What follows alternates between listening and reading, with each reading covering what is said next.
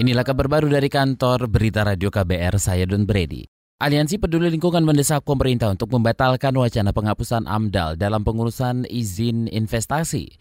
Peneliti kebijakan lingkungan Muhammad Taswin Munir mengatakan pemerintah harusnya mempertimbangkan wacana penghapusan pengurusan izin AMDAL sebelum menemukan solusi atas dampak yang ditimbulkan kemudian hari menghilangkan safeguard instrumen seperti AMDAL itu kan jadi bisa membuat investornya jadi kebablasan dan Pemdanya tidak berdaya karena ada aturan. Permen LHK 24 2018 yang saya sebut tadi kan pengecualian AMDAL untuk RDTR sampai hari ini KLHK belum bisa meloloskan. Terus nanti pas AMDALnya hilang investornya nggak punya guidance. Mau seberapa besar kapasitas pabriknya mau seberapa luas kawasannya terus daerah terdampak seperti apa Peneliti Kebijakan Lingkungan GGGI Muhammad Taswin Munir menambahkan alasan mempermudah izin investasi dengan menghapuskan AMDAL merupakan tindakan keliru.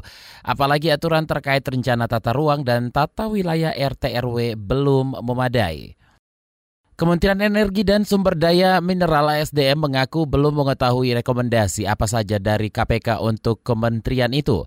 Sekretaris Direktorat Jenderal Mineral dan Batubara Minerba ASDM Heri Nurzaman menyebut akan mengecek kembali rekomendasi apa saja yang diberikan KPK kepada kementeriannya saya juga belum lihat gitu ya apakah rekomendasi polisinya karena selama ini sih kita ada selalu korsup dengan KPK gitu ya. Aman-aman aja gitu loh. Makanya yang dimaksud tidak ditindaklanjuti yang mana? Saya khawatirnya adalah yang terkait dengan izin yang dikeluarkan oleh pemerintah daerah Sekretaris Ditjen Minerba ESDM Heri Nurzaman menegaskan terkait rekomendasi perizinan merupakan wewenang pemerintah provinsi dan bukan kementeriannya. Sementara pelanggaran terkait tambang ilegal adalah ranah aparat kepolisian.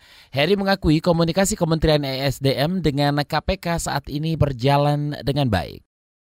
Saudara pemerintah Kabupaten Puncak Jaya, Papua hingga kini belum menjalankan putusan Mahkamah Agung terkait kasus penonaktifan 125 kepala kampung oleh kepala daerah setempat.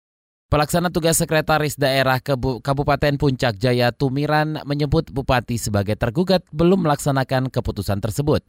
Putusan MA menyatakan menolak kasasi Bupati Puncak Jaya Yuni Wonda dan Yuni Wonda selaku tergugat diwajibkan merehabilitasi harkat dan martabat penggugat. Selain itu putusan MA meminta Bupati mengembalikan penggugat ke posisi semula sebagai kepala kampung yang sah. Bupati sebelumnya mengeluarkan SK tentang pengangkatan kepala kampung. SK itu menimbulkan permasalahan Pejabat di tingkat kampung periode sebelumnya merasa masih sah menjabat sebagai kepala dan sekretaris kampung hingga 2021. Dari berita mancanegara, Saudara Presiden Amerika Serikat menandatangani undang-undang Kongres yang mendukung para pemrotes di Hong Kong meskipun ada keberatan dari Beijing. Undang-undang yang disetujui dengan suara bulat oleh Senat Amerika Serikat dan anggota parlemen di DPR untuk mempertahankan otonomi tentang perdagangan Amerika Serikat, khususnya yang mendukung pembatasan aksi demonstrasi di Hong Kong. Kongres meloloskan RUU kedua yang juga ditandatangani oleh Trump, yaitu melarang ekspor amunisi pengendalian massa. Seperti gas air mata, semprotan merica, peluru karet, dan pistol setrum, setrum untuk kepolisian Hong Kong.